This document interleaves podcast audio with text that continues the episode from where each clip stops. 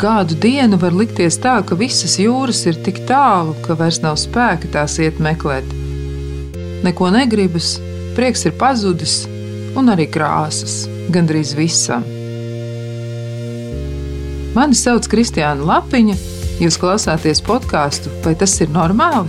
Un tūlīt dzirdēsiet kognitīvu behaviorālās psihoterapijas speciālistes Kristīnas Dūdiņas un podkāsta viesņas sarunu par to, kā tad ir kad liekas, ka viss ir ļoti sarežģīti un nav jaudas atrast sevi, un arī mākoņu maliņas liekas pavisam pazudušas.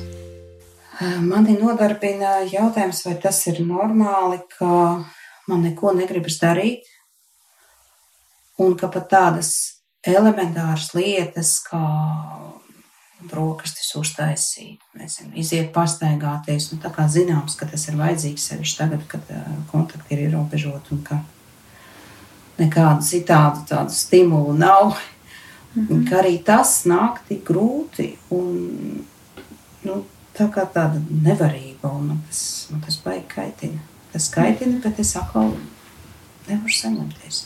Tātad pat ikdienišķas lietas tev sagādā piepūli, nesniedz gandarījumu, un tev grūti uzsākt viņas darīt. Vai ir kaut kas, kas tev šobrīd joprojām ir interesants un ko tev Ko tu dari ar prieku? nu, atklāti sakot, nē, man tikai ir uh mhm. -huh. reizēm uzplaiksnī atmiņas par to, ko man patīk darīt. Man patīk dejot, man patīk korī dziedāt, man tur patīk eh, kaut kur eh, dabā staigāt. Bet, uh, Dažas no tām lietām nav pieejamas, nu, piemēram, kodziedāšana.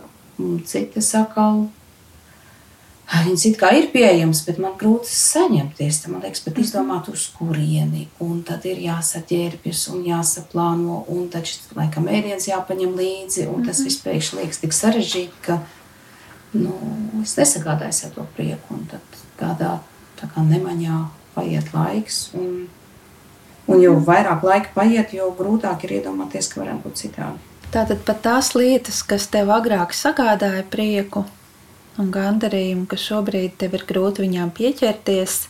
Jā, tas kaut kā liekas uh, nepieejams. Un cik ilgi tu jau jūties šādi? Vai tā ir kāda diena vai nedēļas?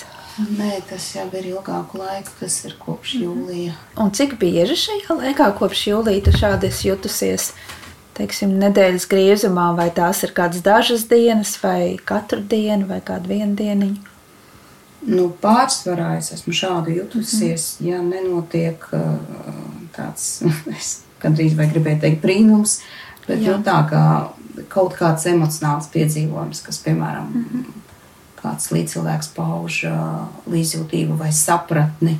Kaut kā tad es nejūtos tik ļoti atšķirta no citiem, tik ļoti savāda, aplama un tāda tā kā mhm. nelabojama. Tad tas man dod kaut kādu cerības darījumu un tu atkal sajūties tāda īsti dzīva. Un, un, un Jā, bet vērtīgi. tad pienāk nākošā diena, un parasti no rītiem ir, ir tas apjukums. No rītiem mm -hmm. ir mhm. tāda sajūta, ka, ka ir tik daudz, viss, kas jādara. Un reāli tā nav. Vienkārši ir grūti izvēlēties. Mm -hmm. Kaut kā liekas, ka nekam nav jēgas, un vakarā es jūtos labāk. Jā. Bet tad, kad aiziet tas apgūtais lokus, ja es jūtos labāk un kaut ko vakarā sāku darīt, tad es atkal nelaikā aizēju gulēt, un atkal mm -hmm. pēc tam mocos pašpārmetumos un reāli slikti guļu. Tas, ko tu apraksti, mm, ir raksturīgi cilvēkiem, kas izjūt depresijas simptomus. Tā tad ir pilnīgi normāli, ka mēs katrs reizēm nespējam izjust prieku, vai ka mums ir tāds nomāktāks garstāvoklis, vai neko negribas darīt. Bet, ja šis stāvoklis ilgst vairākas nedēļas, vai kā tavā gadījumā, vairākus mēnešus, tad jau mēs runājam par tādiem depresijas simptomiem vai par, par depresijas diagnozi. Vai tu šajā laikā arī esi vērsies pie kāda speciālista, lai noskaidrotu, kas ar tevi notiek un kā tu varētu sev palīdzēt? Es vērsos pie diviem speciālistiem, kurus man ieteica. Viņi abi ir neiroloģi. Mm -hmm.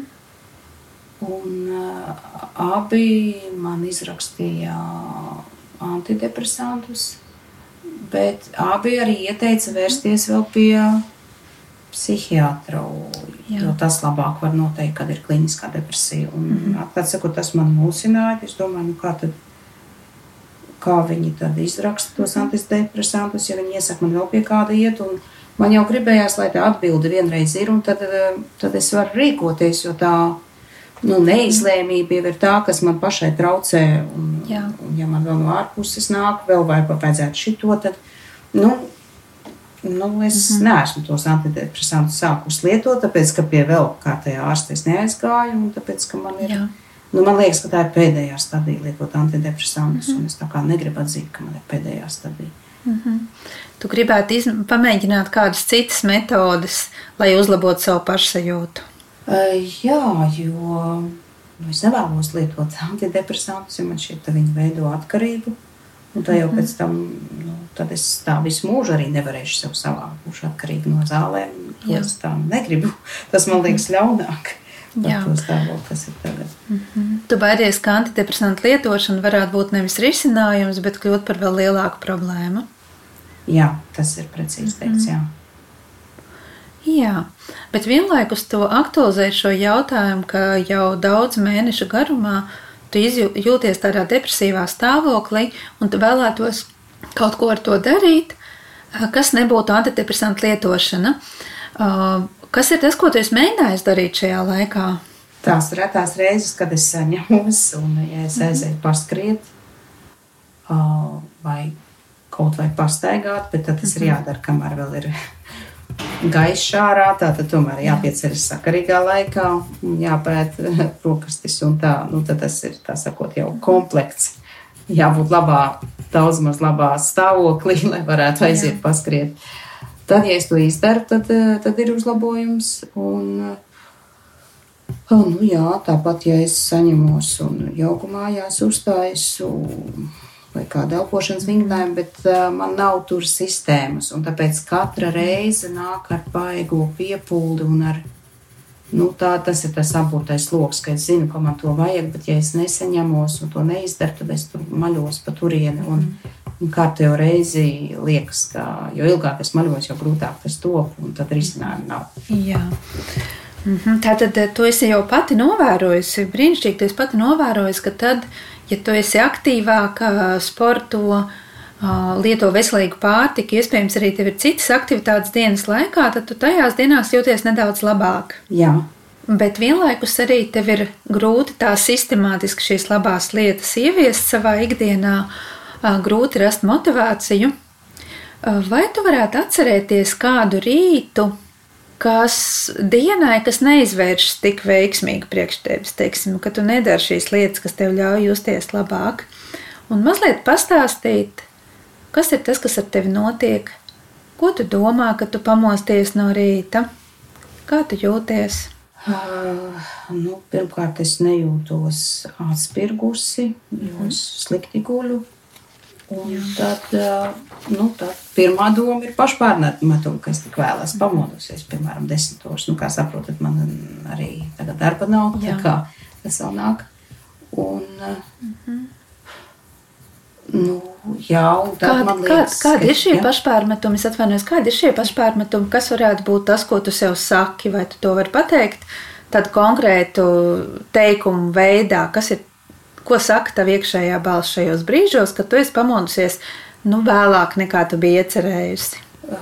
Ka es, ka es izniekoju savu laiku, un nekas labs man arī nākotnē negaida, ja jau es tā daru. Kā tas tev liek justies, kad tu domā šādā veidā par to, ka tu vēlāk pamodusies? Nelatviski izsakoties kā lūzerei. Kā zaudētāji. Jā. Tad vainas sajūta, tā kā Jā. mazvērtības sajūta. Tad man tā kā grūti cerēt, ka citkārt būs labāk, jo biežāk ir šādi. Tad bezcerības sajūta. Jā. Ko tu biežāk dari, kad tev ir šādas domas, kad atkal es. Atkal man neizdevās īstenot to, ko es biju iecerējusi. Nekas labs mani negaida arī nākotnē. Tu jūti šo bezcerību, vainas sajūtu. Ko tu parasti dari, kad tu šādi jūties un domā? Nu, es pieķeros kaut kam,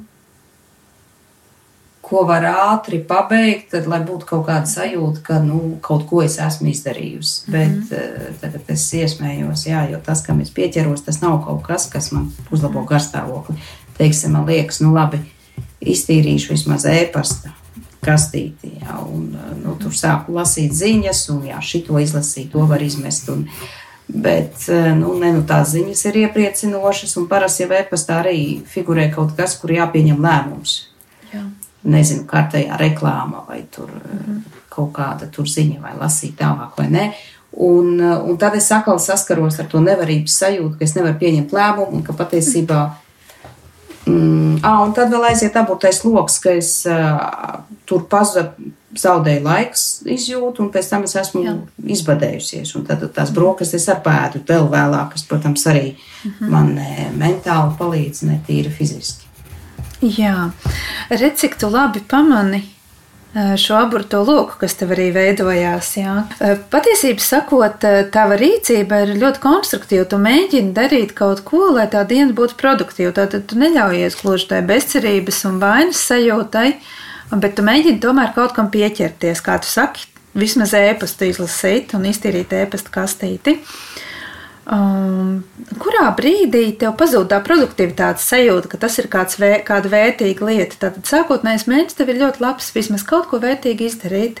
Tad, kad es um, nu, laikam eju perfekcionismu pavadā, vai jo, nu, tur ir vēl linki kaut kādi tajās mm -hmm. ziņās, ja var lasīt vairāk, nu, tad es klikšķinu uz viņiem. Nu, ne nu, tā, ka man šausmīgi interesē, mm -hmm. bet man vienkārši liekas, ka lai man būtu tāda pilnvērtīga pabeigta darba sajūta. Man vajag to kārtīgi visu izlasīt. Bet nu, tas viens sēpas ar ziņām var aizņemt pār pa pusstundu vai vairāk. Un, Un tad, es, nu, tad aiziet pa ķēdē, kā tas perfekcionisms. Nu, es kaut kur meklēju kaut kādu gandarījumu, tur, kur es viņu nevaru dabūt. Tātad tas klupšanas akmenis šajā gadījumā ir ka šis mērķis, tu sev, kuram tu esi pieķērusies, e-pastu lasīšana, e-pastu kastītes tīrīšana, viņš ir tāds pārāk izplūdis, varbūt pārāk nekonkrēts, un tu viņā pazūdi un, un nejūti, ka tu būtu paveikusi to iecerēto.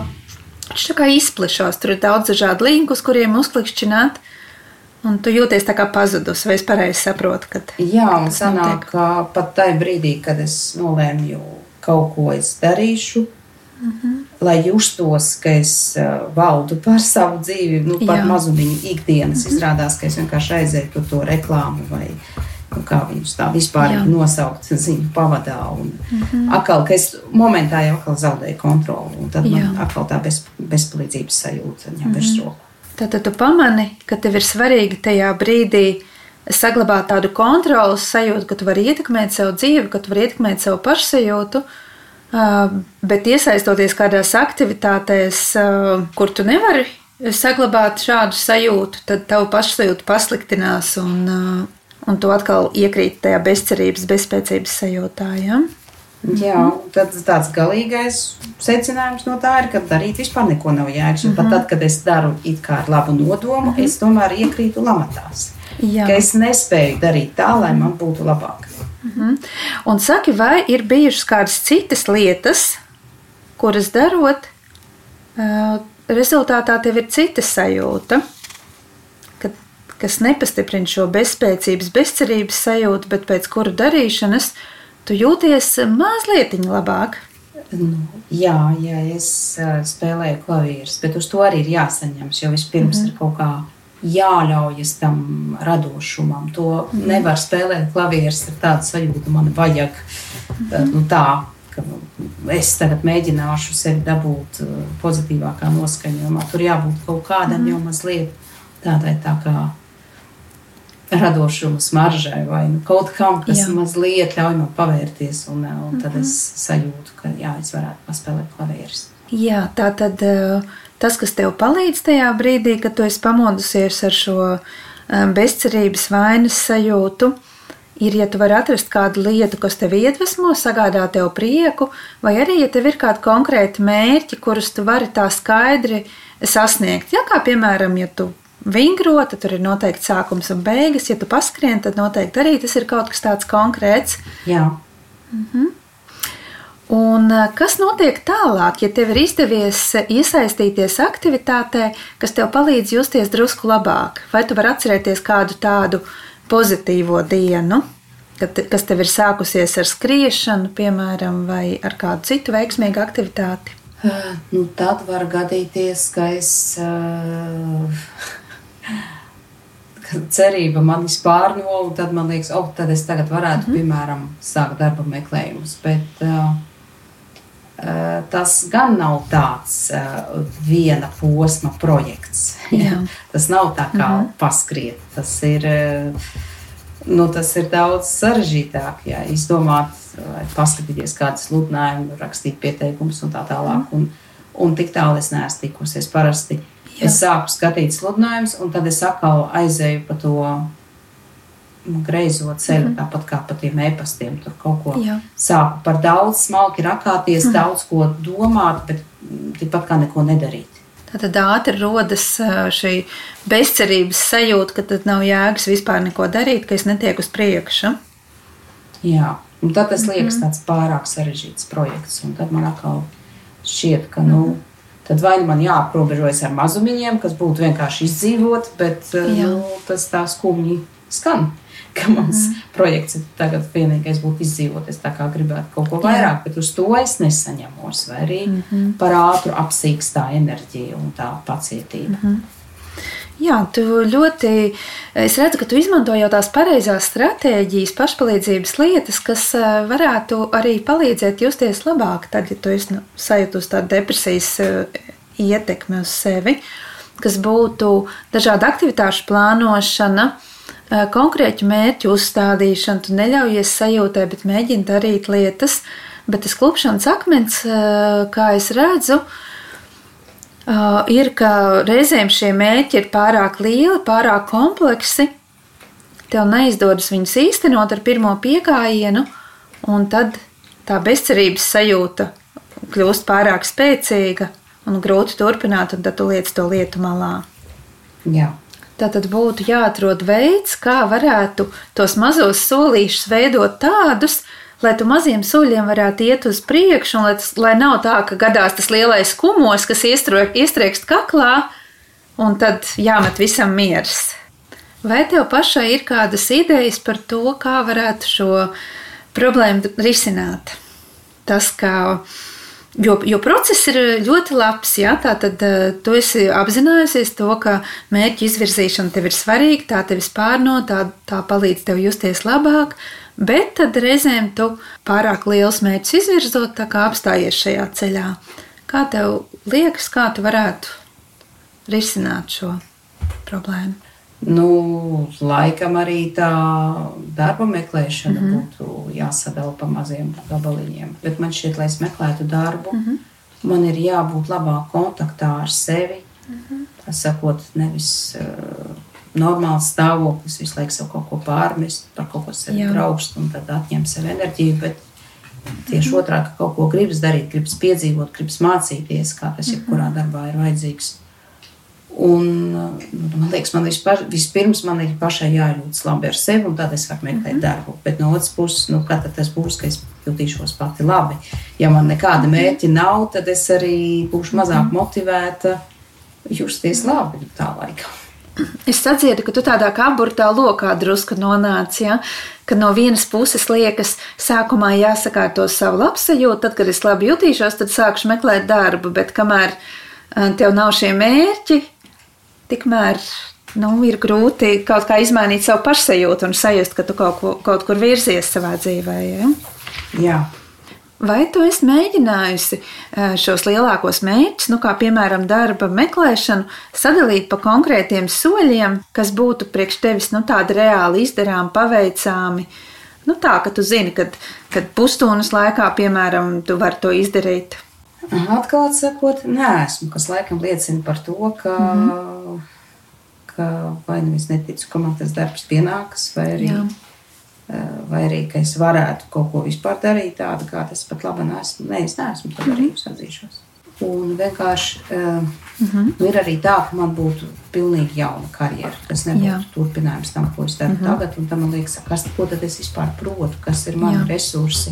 Mm -hmm. Tā mēķa lielums eh, rada tādas bažas par to, vai tu vispār spēj to īstenot, un tad tu īstenībā neķeries klāt to mazo soļu plānošanai, Jā. lai varētu to sasniegt. Un, eh, kā tev šķiet, vai tas ir kaut kā saistīts arī ar šo depresijas stāvokli, par kuru tu minēji sākumā? Nu, ir, jā, bet mm -hmm. nu, ar to apziņu vien nepietiek, lai kaut kas virzītos mm -hmm. uz priekšu. Vienkārši nu, es ar tā domāju, pusgads ir ilgs laiks. Jā. Un cik ilgi es tā, mm -hmm. tā varu atļauties darīt? Saki, vai arī pirms eh, šī jūlija, kad, kad tu sajūti tādu interesi, no, zudumu, nomāktību, eh, kā bija tad, kad tu labi jūties ar mērķu sasniegšanu, ar ticību tam, ka tu vari darīt lietas, kas tev interesē? Nu, tāda pašdisciplīna un regulāra mm -hmm. vēlama lietu darīšana man nebija diezko raksturīga. Jā. Man parasti Uh, ja es, piemēram, saņēmos uz sportu, nu, manā gadījumā tā mhm. bija joga. Tā, tas bija nu, tāpēc, ka man patika tā, tā telpa, kā tas bija iekārtots. Man patīk sajūta, ka es grupā kaut ko daru un ka es kaut kur esmu piederīga. Mhm. Un, nu, tāpat arī ar to dziedāšanu, tas mhm. bija koris. Un, ja es tā stingri uz to skatos, tad varētu domāt, ka es patstāvīgi es sev to prieku nesagādāju. Man mm -hmm. svarīga gandarījuma sastāvdaļa bija tā sociālā puse, ka tas notiek mm -hmm. kopā ar citiem.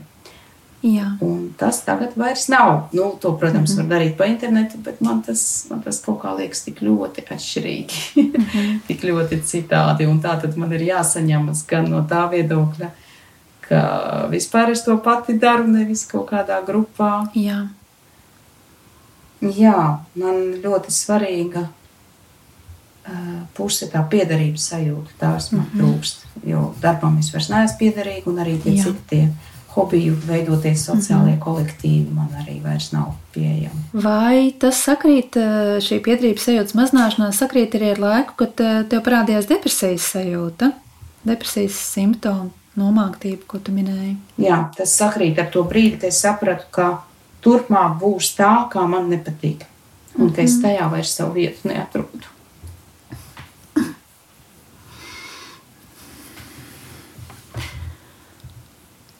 Un tad tu nolēmi, ka atteikties no šīm aktivitātēm attālinātā formātā. Nu, uh, kuras pats pieņēma, nu, bija viena. viena Zoom sanāksme, kur, kur apspriedās un nolēma, ka nu, nav jēgas tā. Jo tu nu, nevari Zoomā īsti mm -hmm. ko mēģinājums noturēt, jo Jā. tur viens otru nevar dzirdēt. Tur dzird tikai vienu. Un nu, joga. Nu, joga patiesībā ir visas iespējas, jau internetā taisīt. Jā, milzīgi daudz iespēju. Mm -hmm. Bet tajā laikā es arī pārvācos uz citu māju vietu, un uh, tur vietas jogu taisīt nebija. Nu, vienkārši maza tā telpa. Mm -hmm. Un, nu, tad, tad es no tā paraduma, kas man nesen tikai bija izveidojies, to pa internetu taisīt, no tā es ātri mm -hmm. Izkritu. Un uh, pēc Jā. tam, es, nu, pēc tam ar milzīgu saņemšanos. Mm -hmm. Tā saņemšanās man pietrūkst. Tā ir tā mm -hmm. pamatlieta, ar kuru es pie tevis šodien nāku. Vai tas ir normāli, mm -hmm. ka nevar saņemties uz to, ko es zinu, kas man sagādā prieku. Mm -hmm. Sanāk, ka tu esi zaudējusi daudzus no tādiem prieka avotiem, kas tev arī šo enerģiju un uh, tādu dzīves garšu sagādāja. Jā, bet līdz mm -hmm. tam es saprotu, ka nu, tas ir pieejams tikai citādā mm -hmm. veidā, ka man mazliet Jā. jāpiepūlas. Un tad es sev pārmetu, ka es nu, nepacenšos tik daudz, mm -hmm. lai nonāktu tādā stāvoklī. Kas ir tās prieka avoti, ko tu gribētu vairāk piedzīvot savā dzīvēm? Mm, nu, rītu sākt ar iziešanu ārā. Nu, tāda kaut kāda no, normalitātes mazumiņu dabūt un Jā. veselīgas brokastis, uh -huh. uh, kas būtu arī regulāri vienā un tajā pašā laikā, tad man arī nebūtu tā trauksmes sajūta, kas man tīri ķermeniski arī ir, uh -huh. tāpēc es arī slikti guļu. Jā. Un tad, uh, nu jā, tad, nu, laikam, jā, pēc brokastīm joga uzreiz, laikam, nē, mm -hmm. tas uh, nebūtu pareizi. Un tad varbūt tad palasīt kaut ko, bet varbūt negluži ziņas. kādu grāmatu. Un, nu, ideālā variantā paspēlēt nedaudz klavierus, pēc tam mhm. būtu joga. Nu, un tad, kad es esmu gan pālpojis gaisu, gan esmu ieturējis labas brokastis, nu, es nezinu, kā tur pēc laika sanāk, vai tad jau nav pusdienas jāēd, bet mhm. nu, kaut kad pa to dienas vidu, kad tā rīta cēliena nomāktība ir pārgājusi, Jā. bet vēl nav iestājies nogurums, mm -hmm. nu, tad, tad varētu soli pa solītam virzieties uz to mērķi, kas man pat labam liekas tāds milzīgs, un tas lielais zilonis, jā, darba meklējumi. Mm -hmm, darba meklējumi, jā. Mm -hmm. Un ko tu darītu pēc tam, vakar cēlienā, kad tu būtu veltījis jau laiku šim dienas mērķim? Vai nu aizbraukt iepirkties, vai arī vai arī, ja tie produkti ir, tad um, gatavot vakariņas. Nu, pēc, tam, pēc tam varētu noskatīties kādu, kādu filmu, kas man paver to mm, emocionālo pusi, lai es sajūtos, mm. ka ir tā piedarības sajūta, kaut ko, kas Jā. mani vai nu emocionāli aizkustina, mm. vai varbūt tā varētu būt nu, kaut kas, kur var paraudāt, vai kaut kas, kur var pasmieties, lai, Jā lai es mhm. tieku ārā no tās apātijas un no tās nu, tikai manos nepareizajos priekšstatos. Balstītās sajūtas, ka es esmu viena tāda, ka es esmu atgādna, ka risinājuma -hmm. nav. Mm -hmm, kaut ko priekam vakarā, jā, tādu iedvesmojošu un bagātinošu. Nu, izklausās pēc patiešām tāda ideāla plāna, bet es saprotu, ka ir grūtības tev viņu īstenot. Nu, īstenībā tādu ideālu plānu es tikai tagad sarunāju ar tevi. Mm -hmm. Ja tā var teikt, izstrādāju. Apjaut, kā jo, tās lietas saliekas kopā. Jā, jo vispār, nu, tā, tajā nemaņā dzīvojot, ir ļoti, man ļoti īstermiņa domāšana. Es nedomāju no rīta, ko es darīšu vakarā. Jo man liekas, mm -hmm. ko es tur plānošu, kādā jēga plānot, es vienalga to neizdarīšu. Es vienkārši skatos, ko es tagad varētu darīt.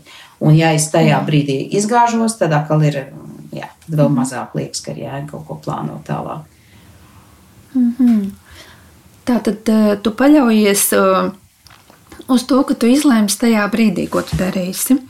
Un, un, un tas, tas kļūst tev par tādu Uh, vājo punktu, ka tajā brīdī varbūt, kad tu izvēlies kaut ko, kas tev nemaz nepalīdz justies labāk, vai arī kas tev īsti nepadodās, un tad uh, iet tā kā pa lavīnu uz leju, ja? neveiksmes sajūta, un neko citu vairs negribas darīt. Tu pat baidies par šo plānu runāt, jo tu apzinājies, ka nodroši vien ka pilnīgi precīzi neizdosies viņu īstenot, kas ir ļoti dabiski. Es domāju, jebkura cilvēka dzīvē tā ir tā, tāda līnija, mē, ko mēs piedzīvojam, ja, ka mēs nemitīgi kaut ko plānojam, ieceram, bet nu, tad realitāte arī ievieš savas korekcijas.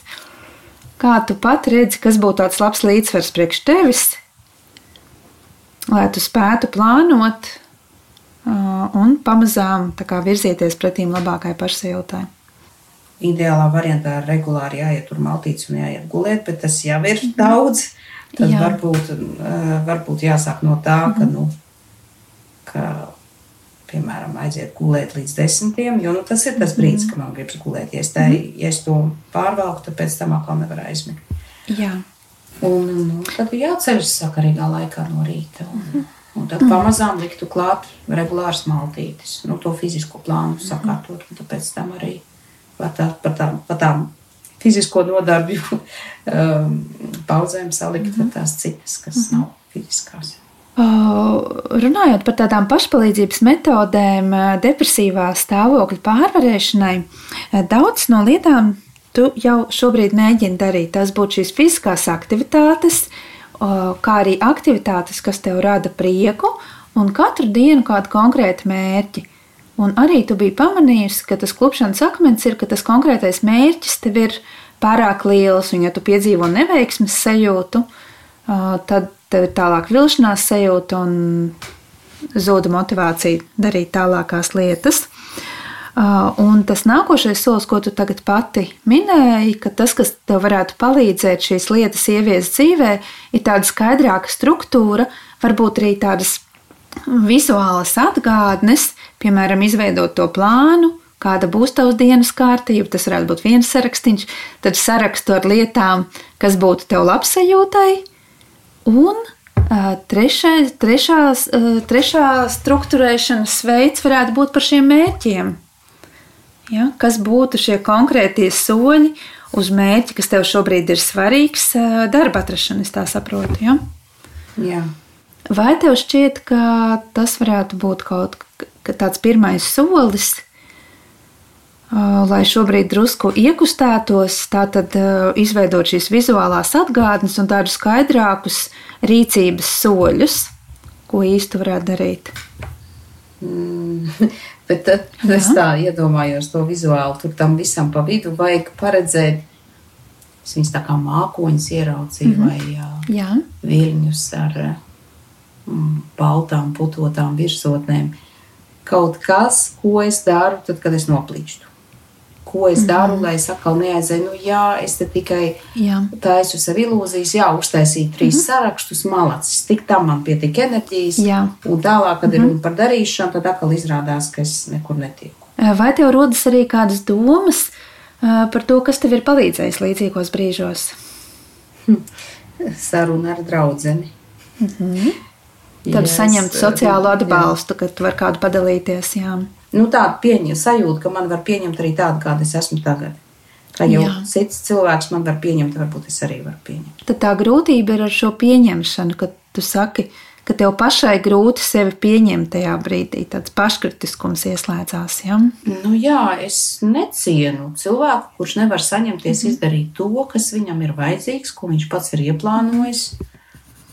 Nu, man liekas, nu, nu, nu, Nu, kas tad tev vispār, ja tu neizdari par to, ko tu pats gribi, un ko tu zini, ko tev vajag?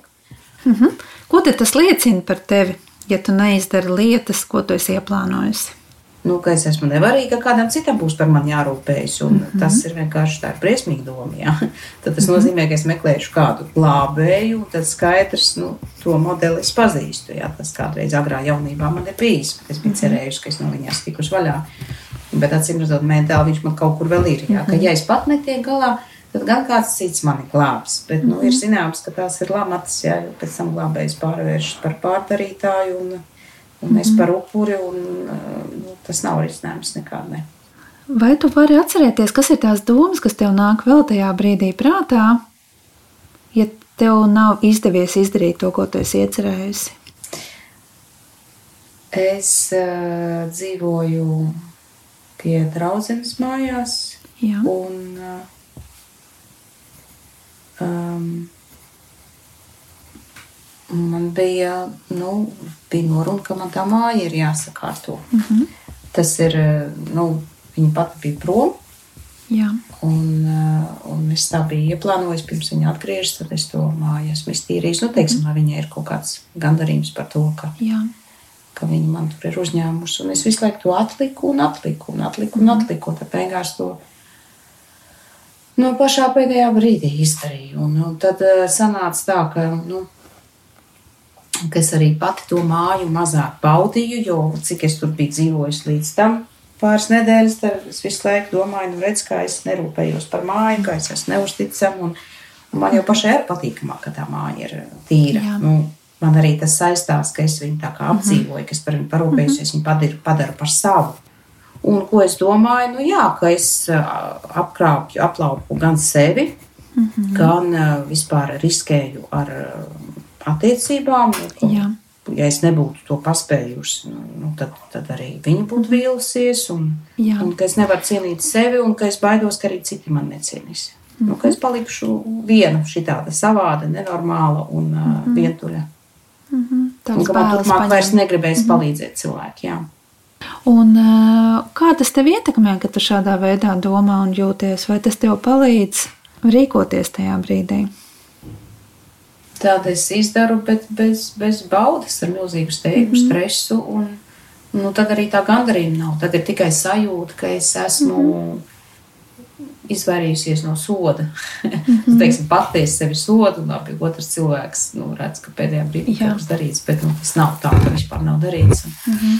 Bet, mm -hmm. jā, nu, tas. Eh, nu, pēc tam es, protams, atkal nevaru gulēt. Nu, tas vienkārši visu to mm -hmm. trauksmenību tikai vairo. Un tāpēc man arī liekas, ka kaut ko plānot, Jā. ja es kaut ko plānoju, tad es sev uzlieku, tad es riskēju to, ka es atkal uh, Ka tu varētu to ne- neizdarīt. Jā. neizdarīšu, un tad būs atkal trauksme. Tāpēc labāk neplānot, bet nu, tā dzīve ir tik vien, viena mūža, ka arī nav labi. Vai šis ir tāds piemērs eh, situācijai, ko tu minēji, ka tu gribētu atrast, kā palīdzēt sev tajā brīdī, kad tu noplīsti? Uh, Es, Tas- es tā apzinos, ka kaut kur tas ir arī ar perfekcionismu saistīts. Man liekas, ka es nebūšu gandarīta, ja es to māju nebūšu iztīrījis perfekti. Un tā kā es zinu, ka, ja es to darīšu perfekti, tad tas prasīs milzīgi daudz laika. Tad es to labāk atlieku uz pēdējo brīdi. Bet nu, tas arī man ne, ne, nedod gandarījumu. Tad, Jā. tad ir divas galējības. Ka vai nu es riskēju to vispār neizdarīt, Mhm. vai, arī, vai arī tur sublimēju visas savas Jā. problēmas uz to vienu. Jā, tu vairāk kārt jau minēji šo vēlmi izdarīt ļoti labi. Arī, kad tu stāstīji par mērķu izvirzīšanu un savas dienas struktūras veidošanu, tu teici, ka bailes par to, ka tu varētu to neizdarīt, tevi attur vispār sākt to darīt, attur sākt plānot. Un šeit es dzirdu līdzīgi, ka tu nepieķeries tam darbam, jo nejūties pārliecināta, ka tu varēsi viņu izdarīt tā perfekti. Jā, Kādi ir ieguvumi, ja tu atliec eh, šī darba darīšanu uz vēlāku laiku? Tā kā tu jutīsies tiešām labi, eh, tev būs enerģija, iedvesma. Vienīgais ieguvums ir tāds, ka pēdējā brīdī man vairs nav laika domāt, mm -hmm. cik perfekti to darīt. Man ir vienkārši jāizdara. Jā, Jo tad es vairs nevaru sev tādu prasību izvirzīt. Un, teiksim, mazinās prasību, un līdz ar to tas darbs liekas vieglāk paveicams. Jā. Bet eh, nu, zaudējums ir tāds, ka es to daru ar tādu stresu, ka, eh, nu, ka bez maz vai es sev pārmetu, ka es ko tādu esmu apņēmusies. Jā. Jā tā tad ieguvums ir tas, ka, ka tu galu galā to vari izdarīt, tomēr kaut arī zem tādas lielas spriedzes, bet zaudējums ir šī sliktā pašsajūta, sevis kritizēšana, tad, un ka tas process joprojām tev nesagādā prieku. Jā. Ā, Vai tu redzi kādu alternatīvu, ko tu varētu, vai ko tu vēlētos darīt tajā brīdī, kad tu pamani sevī šo reakciju, mm, ka tu jūties, nu, es nejūtos šobrīd tik labi, lai ķertos tam darbam klāt, pagaidīšu vēlāk, kad atnāks tā iedvesma. Nu, es zinu, ka tā iedvesma neatnāks. Mm -hmm. Vai nu, paļauties uz iedvesmu, kā atrunu. Mm -hmm. nu, tas nedara. Nē. Kā tev šķiet, kas būtu alternatīva? Nu, tā kā tāda situācija, ka es neatlieku uz pēdējo brīdi, ir ļoti reti izplatīta. Jā. Tad varbūt tiešām to varētu formulēt kā mēģinājumu, kā rotaļu. Nezinu, interesanti, kā būs, ja es vienreiz darīšu citādi. Nu, piemēram, darīšu to pusstundu. Jā. Un, ja tās pusstundas laikā man radīsies vēlme darīt ilgāk, labi. Bet, mm -hmm. bet kaut kā, Jā. lai nav tā, ka to pārvērš par mocībām, ka, mm -hmm. ka izdomā, ka to darīs trīs stundas, un tad trīs stundas garlaicīgi tur kaut ko šausmīgi, Jā. perfekcionistiski tīra. Bezjēgā. Nevienam to reāli nevajag. Ļoti laba doma. Patiešām brīnišķīga doma. Tātad pārvērst to par rotaļu un pamēģināt darīt šo lietu kādu mazu brīdiņu. Tu minēji pusstundu, bet tās pat var būt 5 vai 10 minūtes. Ieklausies sevī, kas ir tas, cik tu būtu gatava šo pamēģināt, lai patiešām nav tā smagā sajūta, ka, ka tev sev jāmoc ir. Un otrs aspekts, protams, ir ā, par šo iekšējo kritisko balsi, kā tu ar sevi runā tajā brīdī. Un es tā sadzirdu, ka tu diezgan skarbi pret sevi izturies. Tā ir vēl viena tāda tēma, ko varētu tālāk papētīt, no kurienes rodas šis iekšējais kritiskums, prasīgums pret sevi. Bet šodien mūsu laiks ir beidzies, sarunas laiks ir beidzies, un man gribētos lūgt tevi padomāt uh, par šiem aspektiem, kam mēs pieskārāmies. Vai ir kas tāds, ko tu atklāji priekš sevis, kas tev būtu vērtīgi? Nu, jā, to azartu. Nezinu, kā es uzvedīšos šeit, neierastajā situācijā. Mm -hmm. es, ja es izdomāju, ka es to Jā. nedarīšu ilgi, Un, un tu sajūti, ka tas priekš tevis pat varētu būt interesanti, ja tas tev nav jādara stundām ilgi, bet kādu īsu brīdi, kad tu varētu sev motivēt, pamēģināt. Jā, un vēl, nu, pateicoties taviem jautājumiem, es atklāju ka kaut kādas, manuprāt, diezgan sakarīgas atbildes manī pašā mīt. Es tikai tos jautājumus parasti sev neuzdevu, bet tā kā gāju pa iestaigāto taciņu, kas man jau pašai ir apnikusi. Mm -hmm. Ko tu, ko tu atklāji priekš sevis šīs sarunas laikā, varbūt, ko tu vēlētos paturēt, varbūt padomāt vairāk vai rīkoties? Mm, nu, par to dienas kārtību, ka paredzēt tādus tā kā blokus un, un paredzēt alternatīvas. Piemēram, labi, es negribu skriet, bet es pastaigājos, tas jau ir labi. Mm -hmm. Vai arī varbūt es vispār ārā negribu iet, tomēr ir augsti, vai es nezinu, kas tur Jā. līst briesmīgi. Nu, mm. tad uh, aizstāj to ar jogu. Ka ir, ka ir sajūta, ka ir kaut kas, kas jau ir plānots, lai nav tā, Jā. ka, ka vispār nesaprotu, ko darīt, un jau mm. sāks ar pārmetumiem, ka neko nejēdz, un tā tad viss slikti.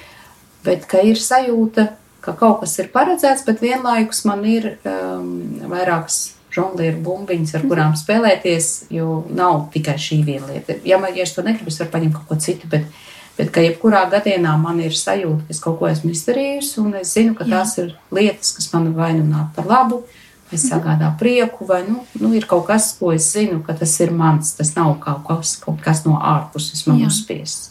Ja es drīkstu papildināt, tad man būtu arī tāds ieteikums, ka tavs plāns ir tiešām ļoti, ļoti labs. Gan pamatstruktūra, gan arī dažādas alternatīvas. Bet cilvēks tomēr ir tāds inerts radījums.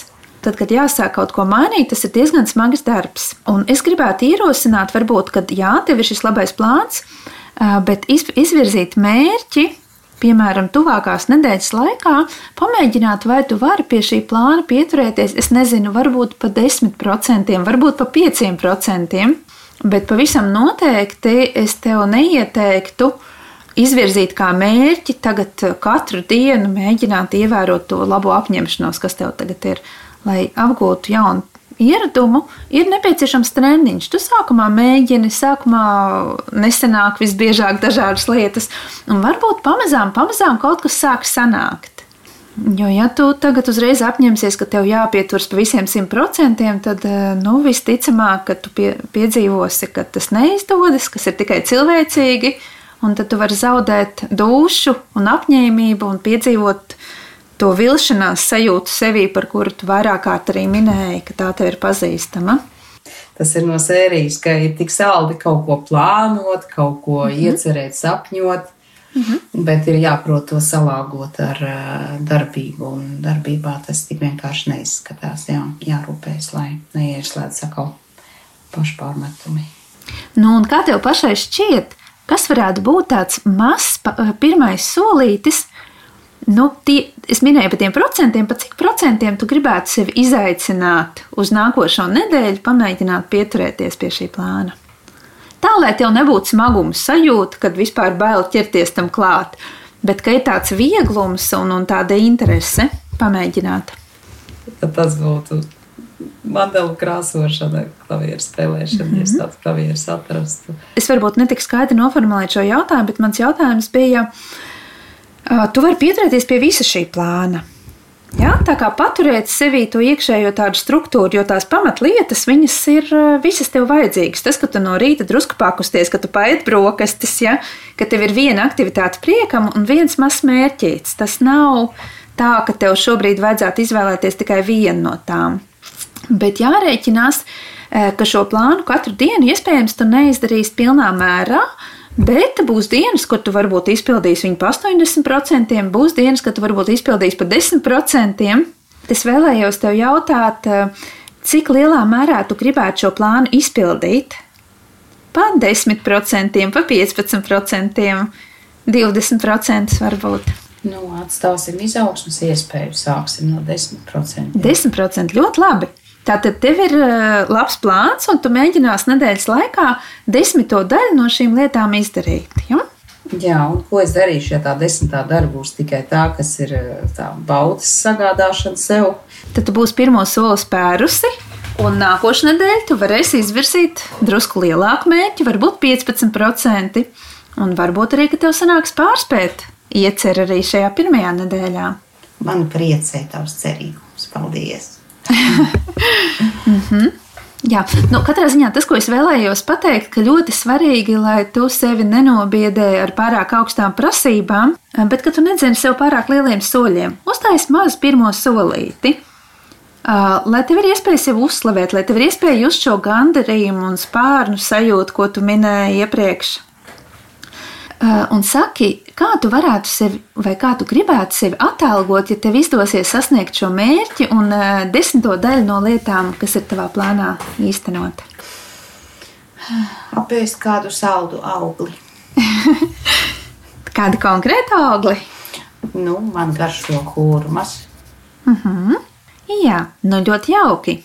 Vai ir vēl kas, ko tu vēlētos uh, paņemt no šīs sarunas vai pieminēt tagad sarunas no noslēgumā? Nu, ir patīkami dzirdēt, ka risinājumi ir un daļa no tiem slēpjas manas pašos, manas pašas secinājumos. Tikai jautājums, var, kuram svaru kausā mēs piešķiram lielāku nozīmi tam, kas man agrāk nav izdevies, vai tam, kas man ir izdevies un kas man mm -hmm. var pavērt ceļu uz, eh, uz eh, izkļūšanu no šīs stāvokļa. Jā, tā ir tiešām vērtīga atziņa, jo tikt ārā no depresijas eh, tas nav viegli. Svarīgi iet ļoti maziem solīšiem, un es arī ieteiktu nebaidīties saņemt atbalstu gan no līdzcilvēkiem, gan arī no speciālistiem, jo tas Minhausena mērķis izvilkt pašam sevi aiz matiem no purva.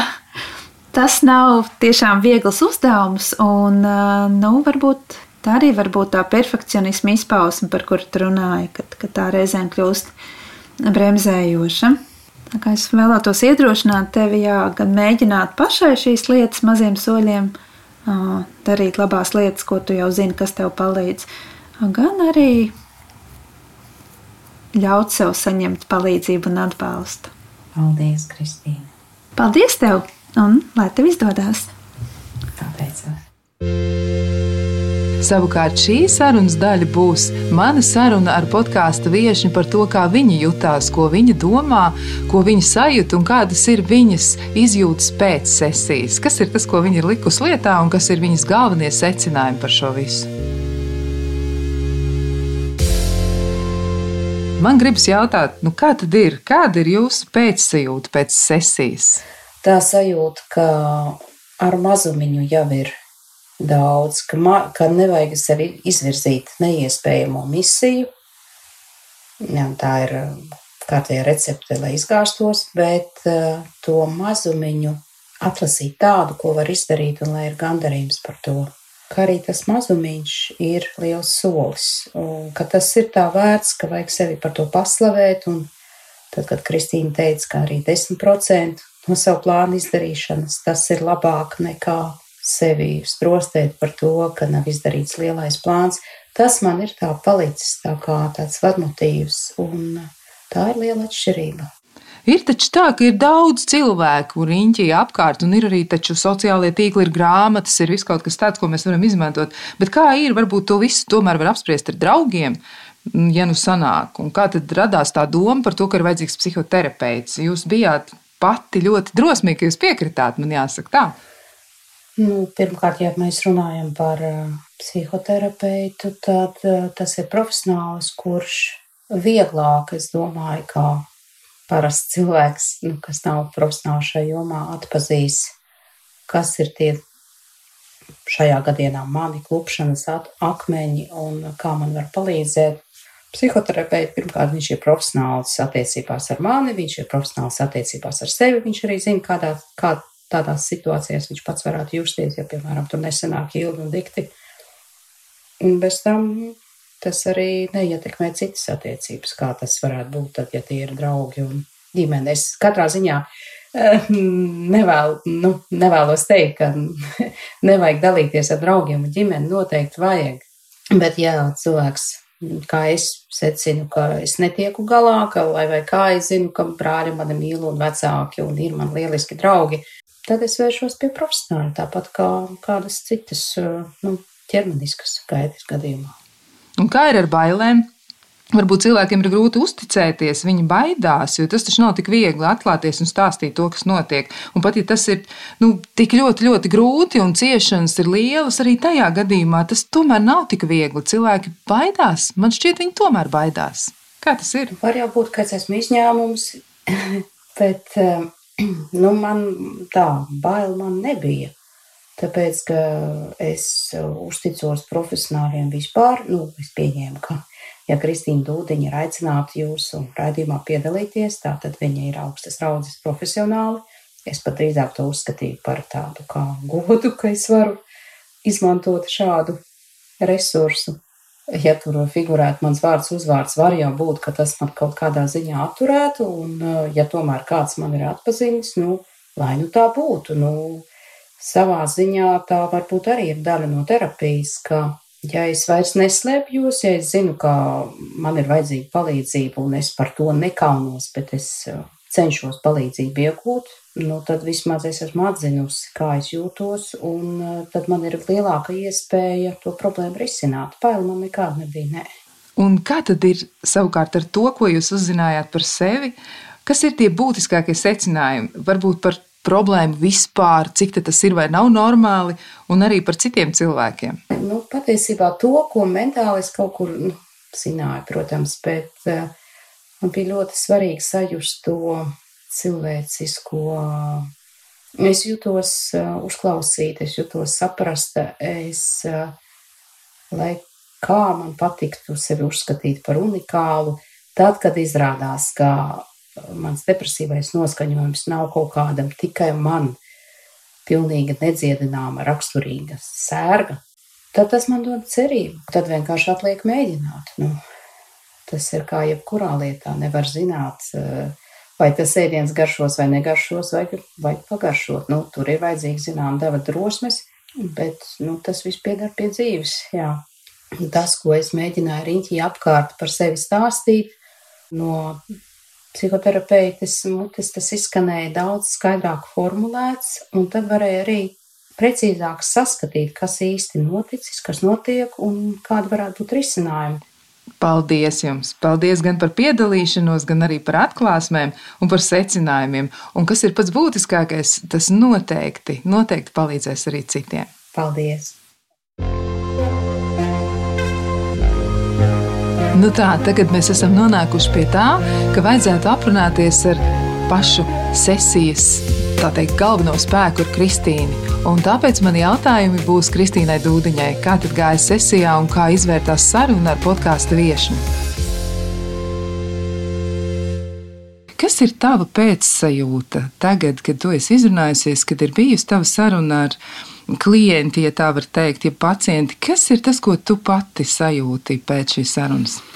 Jāatzīst, ka tas formāts ir nedaudz izaicinošs, jo nu, parasti tomēr klātienē mēs varam labāk sajust cilvēku, un arī nav nepieciešamība visbiežāk vienas sesijas laikā jau nonākt līdz tik, tik skaidram rezultātam. Bet kopumā es ceru, ka mana saruna biedrenei nu, veidojās tāda skaidrāka sajūta par to, kas ar viņu notiek, un varbūt kādi pirmie soļi, ko viņi varētu darīt eh, savas pašsajūtas labā. Nu, tādas dalītas jūtas. Tā tad man ir. dalītas jūtas, jā. Bet jāatzīst, klausoties, rodas priekšstats, ka tas ir tā ļoti, ļoti skaidri, strukturēti un tā tu tiešām ļoti precīzi mēģināji atspoguļot to, ko viņi jūt, ko viņi domā. Kā tev šķiet, vai cilvēkiem tas palīdz, un varbūt, tur ir tā daļa viņu grūtību tieši tajā, ka viņi sākotnēji nespēja saprast, kas vispār ar viņiem notiek, un tad viņiem ir vajadzīga palīdzība, lai saliktu to tā teikt pa plauktiņiem. Kā tev tas izskatās?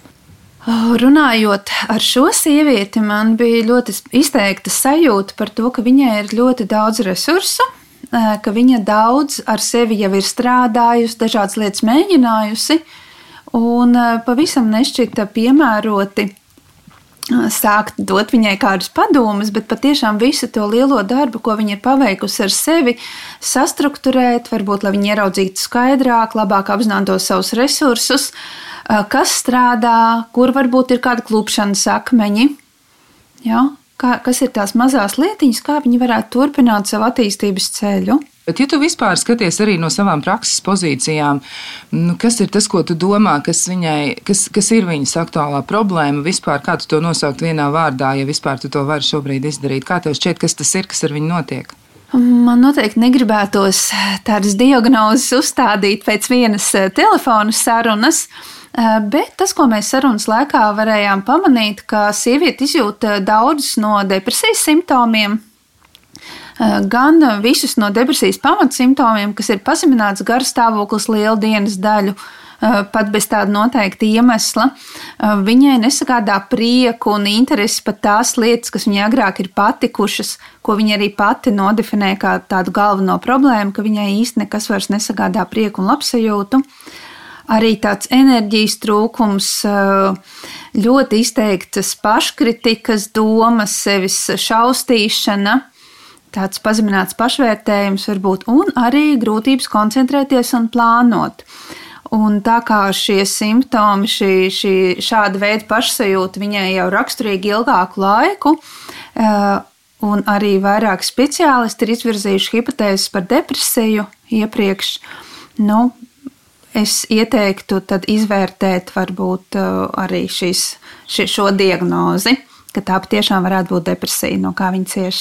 Jā, tas pilnīgi ir iespējams, bet ja mēs skatāmies vispār kopumā uz pasauli, man liekas, ka ļoti daudziem cilvēkiem ir depresija, un viņi tā arī nekur neaiziet. Un kas, tavuprāt, varētu būt tas lielākais šķērslis? Nu, šis ir viens gadījums, ka cilvēks ir mēģinājis atrast palīdzību, viņš ir atradis tevi un ir iespēja bijusi aprunāties, un pat tā viena saruna, manuprāt, diezgan daudz ko dod. Mm -hmm. Bet, ja tu mēģinātu tagad tā, nu, paskatīties, kā saka, no malas ar savu pro profesionālu, profesionāļi ar savu speciālistu aci un novērtēt, kā tad vispār ir ar cilvēkiem, kā tev tas izskatās. Es domāju, šajā sarunā parādījās ļoti spilgti viens no aspektiem, kas attur cilvēkus vērsties pie palīdzības.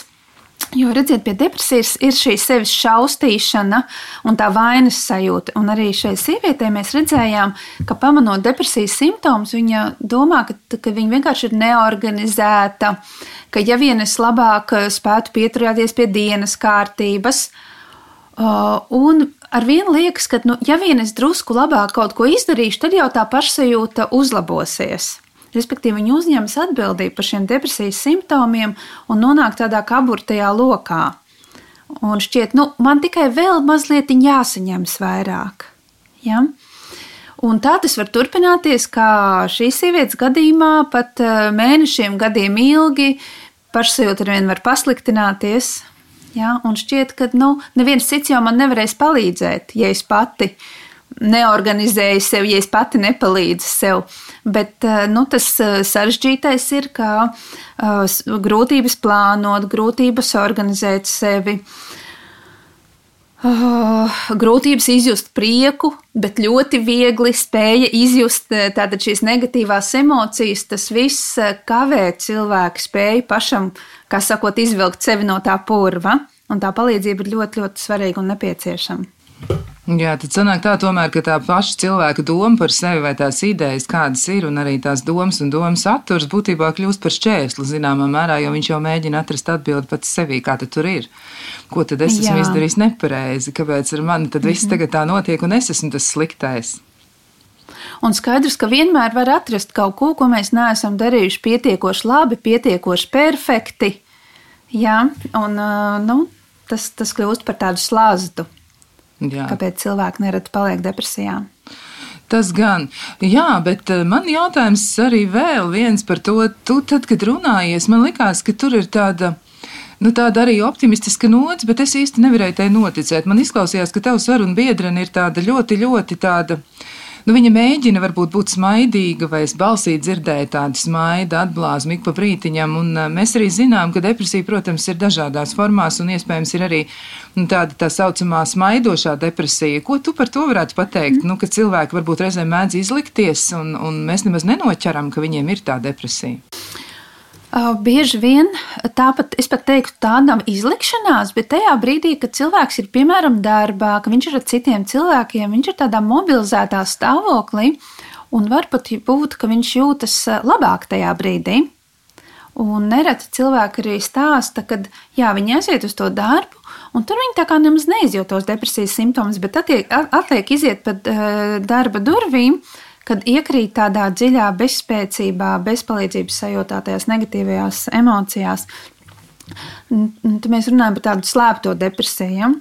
Diezgan bieži sastopams, ka apkārtējie pat var nepamanīt, vai tādā, nu, vai vismaz nepamanīt to depresijas dziļumu kādā cilvēks atrodas. Tāds, jā, tāds. Un tikai, jā, un tikai tad, kad jau tā depresija ir attīstījusies un sasniegusi tādas smagas formas, ka cilvēks patiešām vairs nespēja no rīta piecelties, aiziet uz darbu, viņam jāsāk kavēt darbs, vai, vai draugi redz, ka viņš arvien biežāk izvairās no kontaktiem, nu, tad mēs pamanām, bet nereti tā depresija pirms tam jau ir attīstījusies ilgāku laiku, līdz nonāk cilvēks līdz tik smagam stāvoklim. Jā, bet vai nav tā, ka mēs tā pamazām pierodam pie tā, ka tas cilvēks ir izmainījies un nemaz nevaram to īsti lāgu uztvert, kā tad īsti ir? Un beigu beigās sanāk tā, ka jā, cilvēks saka, vai dieniņa, redz, kur šim te cilvēkam ir attīstījusies depresija, kā tad mēs tā bijām blakus un nepamanījām? Jā, arī tas ka nomāktība, varbūt dažādas garstāvokļu svārstības jau ir daļa arī no mūsu normālās dzīves un normālās pašsajūtas. Un līdz cilvēkiem nu, varbūt grūti saprast, kur ir tā robeža, ka tā vairs nav vienkārši slikta pašsajūta, bet, bet jau mēs runājam par klīniskām diagnozēm. Tomēr uh, ir arī citi piemēri, kad apkārtējie cilvēki tomēr to pamana un, un uzrunā cilvēku un lūdzu viņu meklēt palīdzību. Tā kā es domāju, tur ir ļoti dažādi scenāriji iespējami. Izklausās, ka labākais, ko var izdarīt līdzcilvēki, ir būt uzmanīgi un vērīgi pret, pret to cilvēku, kurš mums dzīvo līdzās. Jo var jau tiešām arī nepamanīt vai noraidīt. Man ir arī tāda doma par to, ka reizēm tas ir ļoti ērti neieraudzīt to, kas notiek blakus ar otru un cerēt, ka viņš pats to atrisinās. Un kā tev vispār izskatās, vai, vai tas varētu būt arī saistīts ar tādu kultūras standartu, ko mēs paši esam izveidojuši, ka mēs nevienam nežēlojamies par to, ka mums iet grūti, un tad ir tā, ka beigu beigās mēs nu tik ļoti nogurstam no tās risināšanas vai no mēģinājuma mēģinājumu tikt galā ar kādām lielām problēmām. Kā tev šķiet? Jā, tā noteikti varētu būt. Es to esmu novērojusi, kad cilvēki, kuriem, arī kuriem jau ir tā diezgan smaga depresija, ka viņi nevēlas citus apgrūtināt ar savām emocijām, vēlas paši tikt ar to galā. Un tas rāda vēl tādu lielāku atsvešinātības sajūtu Un ir viens no faktoriem, kāpēc izvairās no kontaktiem, kas pie depresijas būtu ļoti svarīgi, ka cilvēks izjūt šo piederību, ka viņam apkārt ir cilvēki, ka viņš katru dienu kontaktējas ar cilvēkiem, jūtas pieņemts, atbalstīts. Bet tā tad viņš jūtas, ka viņš būs kā apgrūtinājums citiem, ja slikti jutīsies un sāk izvairīties no kontaktiem, nu, gaidot, ka nu, tā kā es atkal jutīšos labi, tad es atkal kontaktēšos. Bet tas ir drusku līdzīgi tā kā ar tām aktivitātēm. Ja? Kad nu, man aktivitātes nesagādā prieku, tad es pagaidām viņas nedarīšu. Tā kā es jutīšos labāk, es sākšu viņas darīt. Jā. Tā kā pie depresijas tas drusku pretēji strādā, ka jāsāk darīt, jāsāk tikties ar cilvēkiem, un tas viss stimulē mūsu nervu sistēmu, mūsu funkcionēšanu, un, un pamazām tas ir tas ceļš, kā mēs soli pa solītim varam tikt ārā no depresijas. Nu, tas nozīmē, ka nevajag klausīties tik ļoti. Nu, savā ziņā, protams, laikam jāciena ir cilvēka izvēle, bet ir jāmēģina viņu eh, motivēt, vai mudināt, vai aicināt, eh, tomēr doties ārā no mājas un iet kaut kur, vai, vai nu, būt cilvēkos. Tagad tas droši vien gan ir sarežģīti. Es ja domāju par šo laiku, kas ir tieši pašlaik, nu, aktuāls tādas lietas, ka mēs īsti nevaram nekur aiziet. Un, Un, un varbūt tas arī ir problemātiski. Kā tev tas izskatās, um, ja mēs domājam arī par aktuālo dzīvi, kā saglabāt tos kontaktus un kā neļaut cilvēkam, kurš ir līdzās, kurš cieš no nomāktības, nu kā palīdzēt viņam no, se, no turienes tikt ārā? Nu, ko varētu darīt? Mm -hmm. Varbūt tev ir kāda ideja. Jā. Uh, es ieteiktu, varbūt nefokusēties tik ļoti uz sarunām par to, kā tu jūties, kas ar tevi notiek un uz to depresiju, uh, bet mēģināt būt cilvēkam līdzās dažādās ikdienas lietās. Nu, Kopā aiziet iepirkties, uzaicināt, pastaigāties pa dabas taku vai pa parku tepatās, ja? aiziet kopā uz kādu filmu vai mājās filmu kopā noskatīties. Um, būt līdzās, uh, darot tādas pavisam vienkāršas ikdienišķas lietas, un uh, būt arī atvērtiem tam, ka cilvēks, tad, kad viņš būs gatavs, ka viņš varbūt nu, gribēs padalīties vairāk, bet noteikti nevajadzētu izdarīt tādu spiedienu uz nu, sarunām par to, ka viņiem noteikti tagad jāstāsta, kas ar viņu notiek. Ja?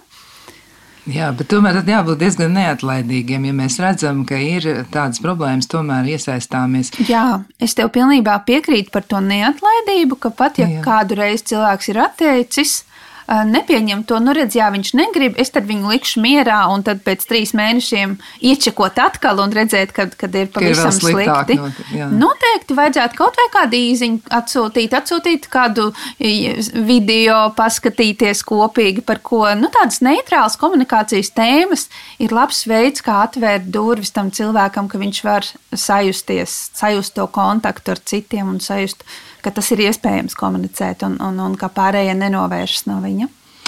Jā, tas noteikti ir eh, nevisai viegli, bet tāpat laikā visticamāk, ka to tomēr vajadzētu darīt. Jā, man liekas, tā ir tāda sakarīga ideja, ne, nerunāt tik daudz par to pašu problēmu tieši kā tu jūties un prasīt to rītā vakarā, bet palīdzēt justies citādi. Nu, tad ņem aiz rokas un ej ārā. Un, un tici tam, ka tas cilvēkam palīdzēs noteikti. Jā, man liekas, tā ir laba taktika, ko tu stāstīji. Mm, jā, kā tev šķiet, kas varētu notikt tālāk, ko vajadzētu varbūt mēģināt? darīt tavai sarunbiedrenei, viņai noteikti droši vien ir jāturpina. Jāturpina kaut ko mhm. darīt lietas labā, un man liekas, tu viņai devi arī ļoti daudz visādas tādas jaukas padomas. Mm -hmm. Kā tev šķiet, ko, ko tad vēl? Uh, nu, tas, kas man rada bažas, ka šī sliktā pašsajūta viņai ir ielgusi jau nu, ilgu, ilgu laiku, daudzus mēnešus. Un pie depresijas nu, nebūtu vēlams pašam gadiem ilgi mēģināt ķeproties. Ja? Jo ilgāk cilvēks atrodas depresijas stāvoklī, jo vairāk izmaiņas viņa smadzenes, jo vairāk izmaiņas viņa funkcionēšana, un paliek grūtāk atrisināt to problēmu. Uh, jā, tas, ko viņa pati varētu sākt. Uh, ir mēģināt šīs, šīs mazās lietiņas, ja katru dienu izvirzīt tādus mazus mērķīšus, gan ka viņi tieks ar cilvēkiem, gan kādu darbiņu mazu izdarīt, kas priekš viņas ir sasniedzams, gan arī darīt lietas labsajūtai. Bet, ja viņi redz, ka tā pašsajūta neuzlabojās nu, kaut kādu tuvāko nedēļu laikā, tad es tomēr ierosinātu saņemt tādu speciālistu palīdzību, kurš var tā struktūrēti ilgtermiņā soli pa solītim palīdzēt viņai tikt ārā no tā depresīvā stāvokļa. Jo tur nav tāds vienkāršs risinājums, ka mēs tagad, nu, piemēram, tā dienas plānošana vai, vai vēl kādas lietas. Ja? Tas ir viens elements no tā, kas var palīdzēt. Bet tur mēs arī redzējām šo sevis šausmīšanu un varbūt kādus citas lietas, kas ir aiz šiem nu, depresijas simptomiem. Eh, par kuriem noteikti arī vajadzētu runāt un vajadzētu tos risināt. Ja? Kā mēs tikai pieskārāmies pašai, pašai aizberga virsotnītei.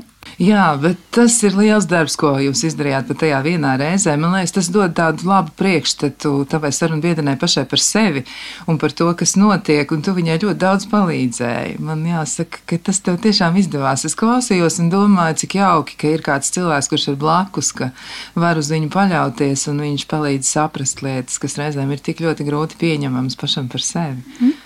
Tas varētu būt tāds milzīgs bonus nākotnes terapijai, ja viņi viņu uzsāks. Uh, jā, paldies tev par šādu iedrošinošu vērtējumu. Nu, cerēsim, ka, ka šī saruna varbūt viņu iedrošinās, ka terapija nav kaut kas nu, tāds svešs un uh, biedējošs, bet uh, jā, ka, ka terapijas process var palīdzēt tādā struktūrēt sevi, sajust savus resursus un atbalstu un nu, veiksmīgāk atrisināt šo dzīves krīzi. Es vēlējos vēl piebilst, varbūt, ka tas ir pilnīgi saprotami, ka cilvēkus biedē šī psihiskās veselības joma un psihiatri un psihoterapeiti, un ir tāda nedrošība. Un, uh, bet vienmēr jau var aiziet uz kādu pirmo reizi, lai saprastu, kas tas vispār ir. Un arī savā praksē es saskārusies, ka nerad cilvēki atnāk tā kā vispār nu, iepazīties, saprast, vai kas tas man kas? kaut ko var dot.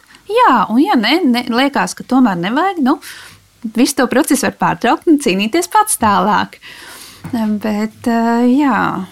Jā, tas, tas ir apsveicams un drosmīgs solis. Tieši tā, un, un aprunāties ar, ar kādu tiešām ir svarīgi, jo vēl jau arī ir tā lieta, ka, nu, ja roka ir salūzusi, tas, protams, nav jauki, tas tiešām ir grūti sarežģīti, un uh, tomēr kaut kā izskatās, ka tas tā vairāk cienījamāk izskatās, ja slēpojot kādu -hmm. traumu, kaut arī tas ir nelāgi un dažreiz pat ļoti riskanti, tomēr to mēs pamanām, uz to mēs rēģējam, bet tad, ja cilvēks saka, viņš jūtas nelaimīgs, nevērtīgs vai vīlies dzīvē, ir ļoti grūti pārliecināt pašam sevi, ka tas ir pietiekami nozīmīgs iemesls, lai tomēr mm -hmm. meklētu palīdzību. Jā.